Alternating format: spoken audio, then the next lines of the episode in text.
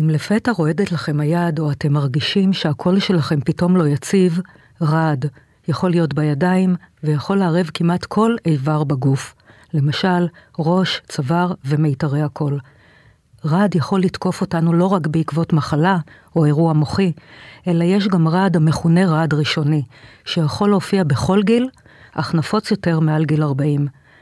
מהי הבעיה הנוירולוגית שגורמת לפתע לרעידה לא רצונית בגוף? מיד כל הפרטים. אתם מאזינים למשחקי בריאות עם דן ארון ופרופסור איתמר רז.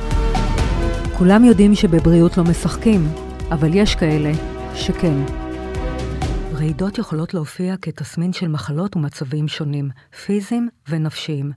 הרעידות מתגברות תוך כדי תנועות וביצוע מטלות פשוטות, כמו אחיזת כוס, כתיבה או קשירת שרוכים. במקרים קשים הרד יכול להגיע לרמה המקשה ממש על תפקוד הידיים, ונדרשת עזרה בביצוע פעולות בסיסיות, כמו אכילה, לבישת בגדים והיגיינה אישית.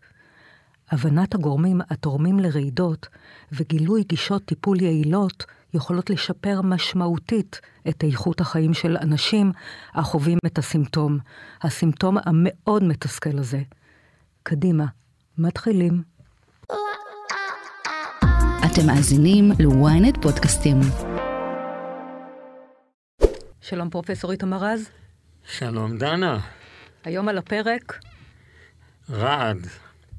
כן, רעד, אני כרופא פנימי רואה הרבה מאוד מטופלים שסובלים מרעד. זה בדרך כלל מחלה של אנשים מבוגרים, אבל זה יכול לקרות אפילו בגיל 30, 40, לרוב זה גילים הרבה יותר מתקדמים. האנשים האלה חיים בחרדה גדולה. קודם כל הם חרדים מזה שיש להם פרקינסון. נכון. כל אחד יש לו... עכשיו, יש לי שיטות מסוימות כדי להרגיע אותם, להגיד להם אין לך פרקינסון, ואנחנו נשמע את זה מאוחר יותר מאנשים שמכירים יותר את הנושא ממני. אבל בעיקרון, אה, החרדה שלהם גם מיכולת התפקוד, זה בעיקר רעד בידיים, זה יכול להיות גם רעד במקומות אחרים, אבל מה שמאוד מטריד זה הרעד בידיים, הירידה ביכולת הפעילות בעיקר באצבעות, בתפיסת דברים, בכתיבה, בדברים מהסוג הזה. ואני נותן להם טיפולים שונים, אבל היום באנו ללמוד מהאיש בתחום הזה במדינת ישראל וגם בעולם, ואנחנו נציג אז אותו. אז בוא נציג אותו. בבקשה, בוא נציג אותו. שלום לך, פרופסור ניר גלעדי. שלום וברכה. אתה מומחה בנוירולוגיה, מנהל אגף המוח באיכילוב. הכבוד הוא שלנו שהגעת אלינו. תודה שהזמנתם אותי. ואני רוצה לדבר על הסיבות הבסיסיות, מהם הגורמים הפיזיולוגיים והנוירולוגיים התורמים לרעידות. בוא נדבר על הבסיס. הפודקאסט נעשה באופן בלתי תלוי וללא השפעה על התכנים כשירות לציבור על ידי חברת אילי לילי. אז נתחיל מהעובדה שכולנו קצת רועדים, רק אנחנו רועדים באמפליטודה מאוד נמוכה ובתדר מאוד גבוה, וככה אנחנו לא מרגישים את זה, אבל הרעד הפיזיולוגי הוא רעד שקיים מהמתח של השרירים, מהזרימה של הדם ולחץ הדם, והוא קיים אצל כל אדם מגיל מאוד מאוד צעיר. כל התרגשות מגבירה את הרעד, ואנחנו מכירים את המונח, הוא רעד מרוב התרגשות. נכון. אה, זה האדרנלין שנשפך כתוצאה מהתרגשות, מתח, מאמץ גופני, זה הרעד הפיזיולוגי, הרעד הנורמלי, שאצל אנשים מסוימים, באופן נורמלי, גם כשהם לא מתרגשים או לא עושים פעילות גופנית, הרעד הזה קצת יותר מוגבר, והם מכירים את זה שהם קצת אה, רועדים. זה לא רעד של מחלה, זה רעד של בריאות. Mm-hmm. הרעד של מחלה הוא בדרך כלל משהו שמתפתח על רקע של איזושהי הפרעה בתפקוד העצבי ממקור מוחי. אוקיי, okay. כגון?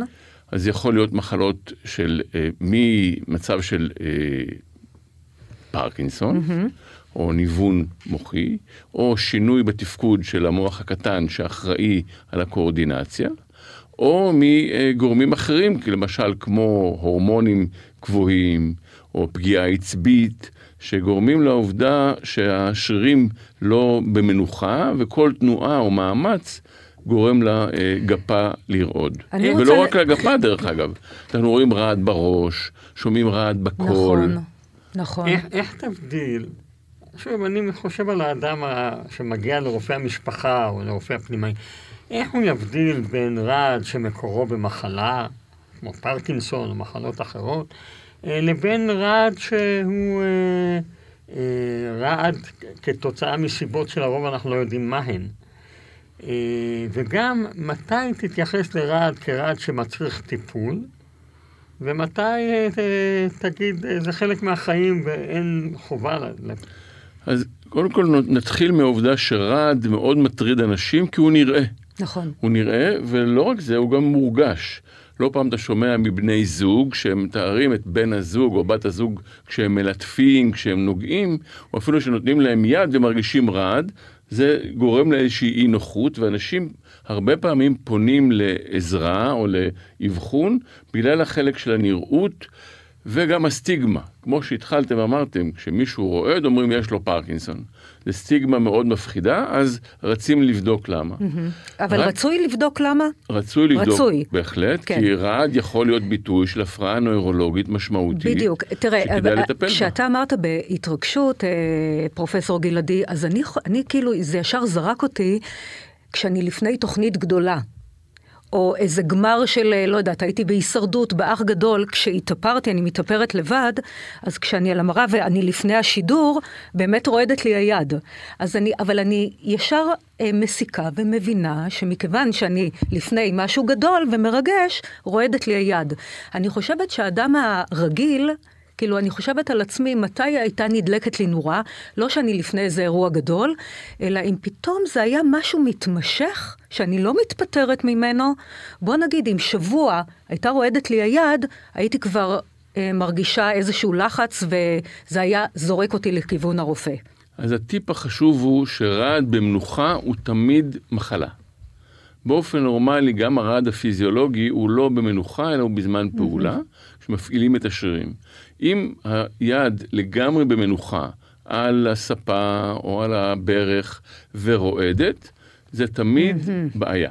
שמחייבת okay, בירור. אוקיי, זה טיפ מצוין. זה גם כן. בפרקינסון? בפרקינסון זה הרעד, רעד במנוחה. כלומר. פועל יוצא זה אה, אם משהו כזה נדבק אליי ואני מרגישה אותו שבוע ימים, שים אני פשוט אניח את נכון. היד, לא אעשה כלום, ואם אני רועדת זה אומר משהו. אם שמים את היד על כן. משענת הכיסא כן. והיא רועדת ב... ללא שום מאמץ, זה מחייב בירור. אוקיי, טיפ מצוין. רעד שהוא בפעולה, הוא יכול להיות או מהתרגשות או ממחלה, mm-hmm.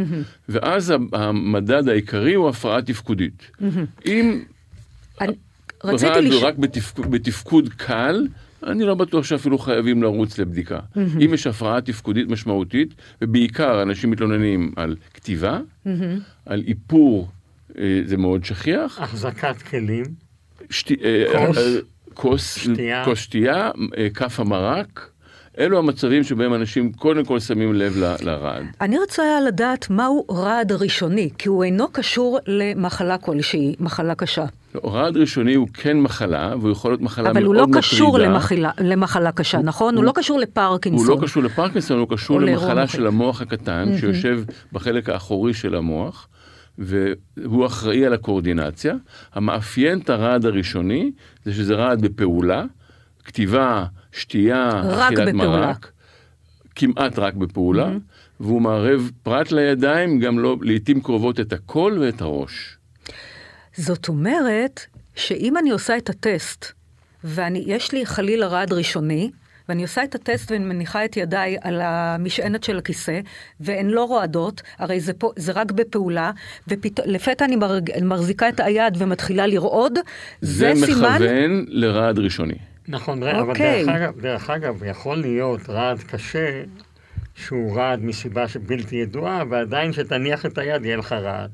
אבל, אבל כמו שאמרת, יש פה את ההבדל המאוד חד. במנוחה תמיד, תמיד זאת מחלה.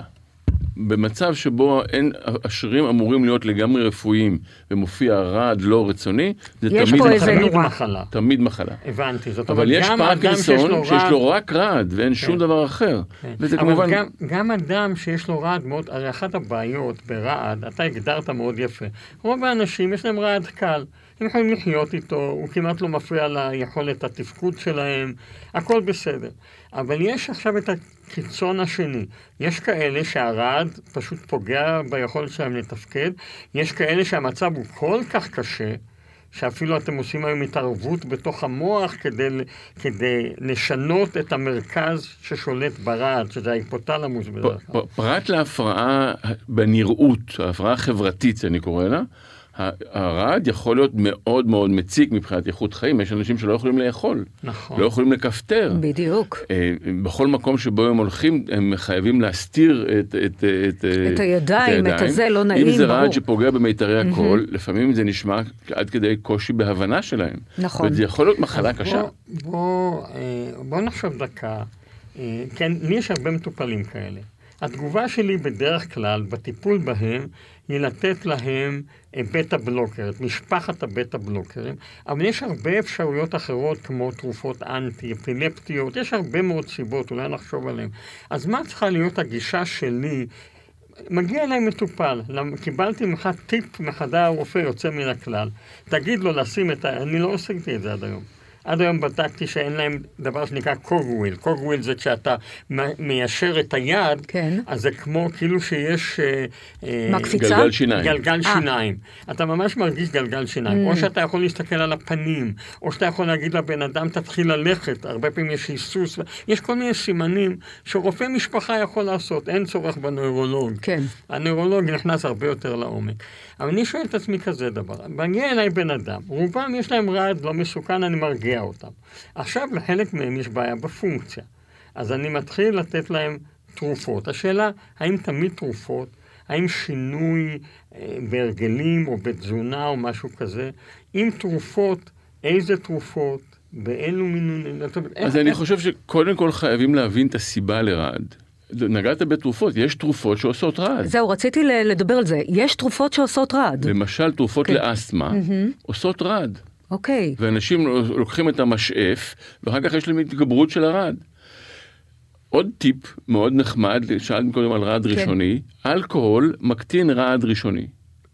למה? זה ו... כאילו מטשטש את המוח? לא, זה, זה משפיע על המוח הקטן ומדכא את הרעד. וואלה. ואנחנו אומרים לאנשים, תשתו אלכוהול, התגובה היא עזרה מבחינתנו לאבחון. עכשיו הצלת אותי, כי אני אוהב לשתות כן. אלכוהול, ואשתי לא נותנת לי. אז הנה, זה פתרון. הנה עכשיו אני אתחיל לרעוד. ואני אסביר לה למה אני חייב לשתות אלכוהול. כן, עכשיו זה נכנס לסל. יש לנו תרופות למצבים קיצוניים, למשל הבטה בלוקרים שהתייחסת. אני מעדיף לתת אותם רק במצבי קיצון. אתה הולך לדבר בכנסת, אתה הולך לתת ברכה לנכד בבר מצווה. קח 20 דקות לפני זה בטה בלוקר, יהיה לך 3-4 שעות בלי רעד, בחתונה, בספיר את אותה התרופה שנותנים למי שהולך לעשות מבחן נהיגה, כן. כדי להוריד את הלחץ. אם כבר מדברים על תרופות, אוקיי. אני נותן כן. פחות, אבל קודם כל יש תרופות נגד אפילפסיה, וגם תרופות הרגעה. שפה צריך לחשוב טוב מאוד אם לתת או לא לתת, כי נכון. יש אנשים שאתה נותן להם תרופות הרגעה, וזה מה שימנע מהם את הרעד, או יוריד את הרעד. אם הרעד תלוי בהתרגשות, אז כמובן כל תרופת הרגעה תקטין, אבל אני חושב שחשוב להתעכב על הקונספט של טיפול רק במצבי סטרס. כי רוב רובנו, כשאנחנו לגמרי רגועים, יושבים בבית, קצת היד רועדת, זה לא מחייב טיפול. כן. לעומת זה בחברה או באירוע, אתה לא רוצה שהכוס שמפניה תרעד. נכון. תיקח לפני זה משהו, ולא כל הזמן. התרופות נגד אפילפסיה הן תרופות מצוינות, גם נגד רעד, אבל כמובן הן באות עם תופעות לוואי. חלק מהמקרים הרעד הוא כל כך קשה, שהוא מפריע אפילו לאכול, אתה חייב לקחת תרופה. ואם תרופות לא עוזרות, כמו שאמרת, אנחנו עושים ניתוחי מוח. ומעלימים את הרעד לגמרי. אתה יכול לפרט על כן, מאוד מעניין. במילה אחת? אז יש מרכז שאחראי על הרעד במוח, הוא נמצא בתלמוס. אנחנו יכולים או לצרוב אותו. התלמוס זה החלק הפנימי במוח ששולט על הרבה מאוד דברים שקורים בגוף. אתה מקבל ממני עכשיו ציון 100, פרופסור רז. אתה יודע למה? כי לרוב זה הייתי צריכה לעצור, והוא לבד. מעצמו זה קרה.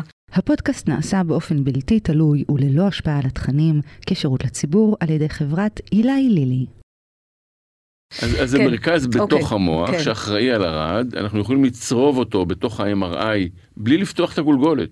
אנשים שוכבים ב-MRI, צורבים את זה עם קרני אולטרסאונד, זה פיתוח ישראלי מאוד מאוד uh, מרשים, ומעלימים את הרעד. רגע, ואתה לא מפספס לפעמים? אז ב-MRI אתה יכול לקלוע ברמה של מילימטר, ואתה בודק בתוך ה-MRI, ש... את התגובות את של התגובה, ה- אתה מחמם את המקום, היד שרועדת מפסיקה לרעוד, ואז אתה יודע שאתה במקום הנכון. ואז אתה יורה. ואז אתה עושה, במקום 32 אה, אה, קרני אולטרסאונד, אתה עושה 64, וזה צורב לתמיד. ויש תופעות לוואי. אם אתה קצת מפספס כמובן שיש תופעות לוואי, בסך הכל זה טיפול מאוד טוב, הוא בסל בישראל, הוא ניתן רק לצד אחד. כי אם עושים לשני הצדדים, הס- הסיכוי לתופעות לוואי הוא גבוה. מה עם ו- התופעות הלוואי? מה צריך לקחת בחשבון? מהפרעות ראייה, הפרעות דיבור, פגיעה הפרעות עצבית, שיווי פגיעה משקל, בעצבים אחרים כן. בתוך המוח. הפרעות אז זאת. אומרת, יש פה איזשהו אבל סיכון, יש יחסית זה. זה טיפול אה, מאוד בטוח, מאוד פשוט, שניתן לאנשים עם אה, רעד ראשוני, בעיקר, של צד אחד. זאת אומרת, לא, לא בעקבות מחלה כמו אה, אה, פרקינסון או בפרקינסון טרשת גם נפוצה. כן עכשיו מתחילים גם? לפתח את הטכנולוגיה הזאת. במקביל לפיתוח טכנולוגיה של אה, קוצבי מוח, שמושתלים לשני הצדדים, הם גם כן מושתלים לאותו אזור במוח שאחראי על הרעד, ושם אתה יכול גם להפעיל ולכבות. אם אתה הולך לישון, אתה יכול לכבות את הקוצב. אם אתה יושב בשבת בבית והכל רגוע, אתה איך- חוסך איפה- בטריה. מאיפה אתה מכבה את הקוצב? יש לך אה, אה, שלט, הזה. שלט חיצוני, הקוצב יושב פה מתחת לעצם הבריח, ואתה יכול כן. יכול שלט לכוון? חיצוני. להפעיל ולכבות. טכנולוגיה מדהימה. יש- תראה איך הוא הטכנולוגיה, מבסוט, הוא עושה לי ככה. הטכנולוגיה מאוד. מתפתחת. כן, עולם מדהים. כמה- כמה כאלה עשיתם עד היום? יש, באיכילוב למשל. יש מאות טוב. חולים כאלה היום, וואו. ובעולם יש עשרות אלפים. מה לא אחוז. ההצלחה? מאוד גבוה. בטיפול. של קוצבים אה. וקרני אולטרסאונד לרעד, הטיפול מאוד מוצלח ומחזיק לתמיד. מושלם. וואו. וואו, באמת וואו. בוא נדבר רגע על uh, מחלות שיכולות לגרום לרעד, ולא המחלות שמנינו. נניח סוכרת. אז בסכרת שכיח מאוד רעד. חלק מהסיבות לרעד זה חולשת שרירים והפרעה בתפקוד של העצבים שנפגעים בסכרת, ואז או על רקע של מה שאנחנו קוראים נוירופתיה, שהשרירים לא מקבלים עצבוב טוב ואחיד, ובזמן פעולה מופיע רעד, או על רקע שהמצב, שה, שהחולה מאבד את התחושת מצב שלו, לא יודע איפה הגפה. ואז הוא מחזיק את הגפה, לא בטוח בדיוק איפה היא נמצאת, ומופיע איזה מין חיפוש של היד, היא לא יודעת בדיוק איפה היא נמצאת, וזה אה, סוג אחר של רעד, שקשור בתחושת המצב. סך הכל הפרעה תפקודית משמעותית. הטיפולים שאנחנו דיברנו עליהם מקודם קצת פחות טובים לרעד שהוא ממקור של פגיעה בגפה ולא במקור של פגיעה במוח. פרופסור רז, אתה מכיר את זה בטח, בוודאי. מהמרפאה שלך. מה אתה רוצה בוודאי. להוסיף? אה, לא, במצבים האלה, כן. מה שאני רציתי לכמת, ולמדתי הרבה מאוד ממך היום, אה, פרופסור גלעדי, זה מתי אני שולח אדם לנוירולוג, ומתי אין צורך לשלוח את האדם לנוירולוג. אז מהבחינה הזאת למדנו שלרוב, קודם כל אפשר להרגיע את המטופל לרוב, רעד, אין איתו בעיות קשות. דבר שני, למדנו שרעד כמעט אף פעם איננו קשור לפרקינסון, כי זה מה שמפחיד את כל המטופלים, ואפשר לבדוק אותם במקום, ולמדנו איך לבדוק אותם, בעיקר על ידי מנוחת הגפיים. אם הגפיים לא רועדות במנוחה, כנראה אין לך פרקינסון. ויש משהו מאוד מעניין של רעד פנימי. נכון. זה, אנשים מתלוננים על זה, אנחנו כרופאים לא יודעים בדיוק איך להתייחס לזה, אבל יש תופעה שאתה לא רואה רעד, והאדם מספר, אני מרגיש רעד פנימי, סטרס, התרגשות, מעלים, כן. מעלים את את. האדרנלין וגורמים ל- לרעד הזה, ולפעמים הוא רעד שאתה מרגיש אותו רק מבפנים, האם זה של האיברים הפנימיים? כנראה שכן.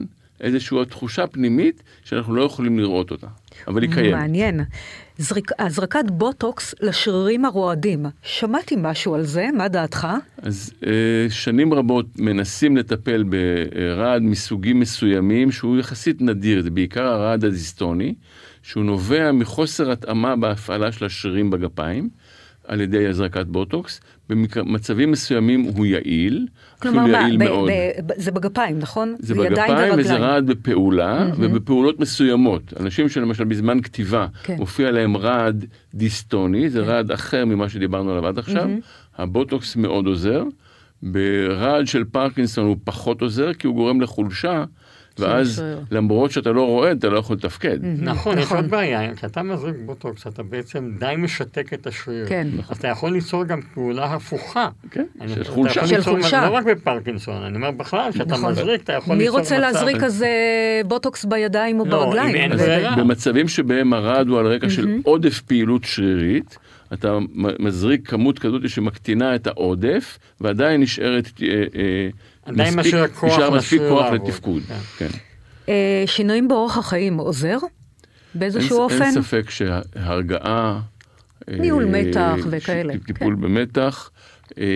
כמו שאמרנו, חלק מהמזונות, קפאין מאוד מגביר רעד. Mm. את הרעד הפיזיולוגי. אוקיי. אז כל משקה שמכיל קפאין, כן? יכול להגביר רעד. אלכוהול אמרנו שיכול להקטין רעד. אה, אז יש בהחלט קשר. זאת אומרת, יהיו פחות סאחים, יותר אלכוהוליסטים. לא, לא, חס וחלילה. חס וחלילה, טפו. אנחנו מדברים על אה, כן, אלכוהול בכמות קטנה, רק במצבים שלפני קוקטיילים. לפני קוקטייל, נכון, נכון. אני חושב שהדבר הכי חשוב שלמדנו לציבור, שכשאתם חוששים מרעד, דבר ראשון תבדקו האם הרעד הזה קיים במנוחה, כן או לא. אם הוא לא קיים במנוחה, אתם יכולים להיות רגועים. זה, זה פחות כנראה... מדאיג, זה אבל פחות זה יכול מדאיג. יותר להפריע. רגע. כי הרעד בפעולה מפריע לתפקוד, הרעד במנוחה הוא מסמן נכון, מחלה. נכון, אבל קודם כל תהיו רגועים שכנראה אין לכם מחלה. הדבר השני, שאם יש לכם אה, רעד בפעולה, אם אתם לא מסתדרים, אם אתם רוצים להפחית אותו, קיימות תרופות שניתן לקבל אותן גם מרפואת המשפחה. בהחלט. ומקבלים אותם מרפואת המשפחה כדי להקל לכם על הרעד. במצבים של רעד שרופא המשפחה לא מסוגל להקל עליהם, שם נמצא הנוירולוג שידע לתת לכם אולי יותר נכון גם את התרופות, אולי בשילובי תרופות, וגם במצבים חריפים לעשות פעילויות כמו שאתה הזכרת, או אולטרסאונד לצרוב אזור ספציפי, או לפעמים אפילו השתלת אלקטרודות באזורים אה, ספציפיים, שזה טוב גם לפרקינסון. חד משמעית, והמסר הוא שרעד צריך לאבחן ואפשר לטפל. נכון, זה המסר, נכון. נהדר. אז תודה רבה לך, פרופסור ניר גלעדי, תודה רבה לך, פרופסור איתמר רז, ונודה לצוות שלנו. לבימאי גידי ישראלי, עורכת התוכן טל לוין, טכנאי סאונד שר, שרון שדה, והמפק... והמפיקה שלנו, ניצן כהן. תודה רבה. תודה רבה. תודה. הפודקאסט נעשה באופן בלתי תלוי וללא השפעה על התכנים כשירות לציבור על ידי חברת אילי לילי.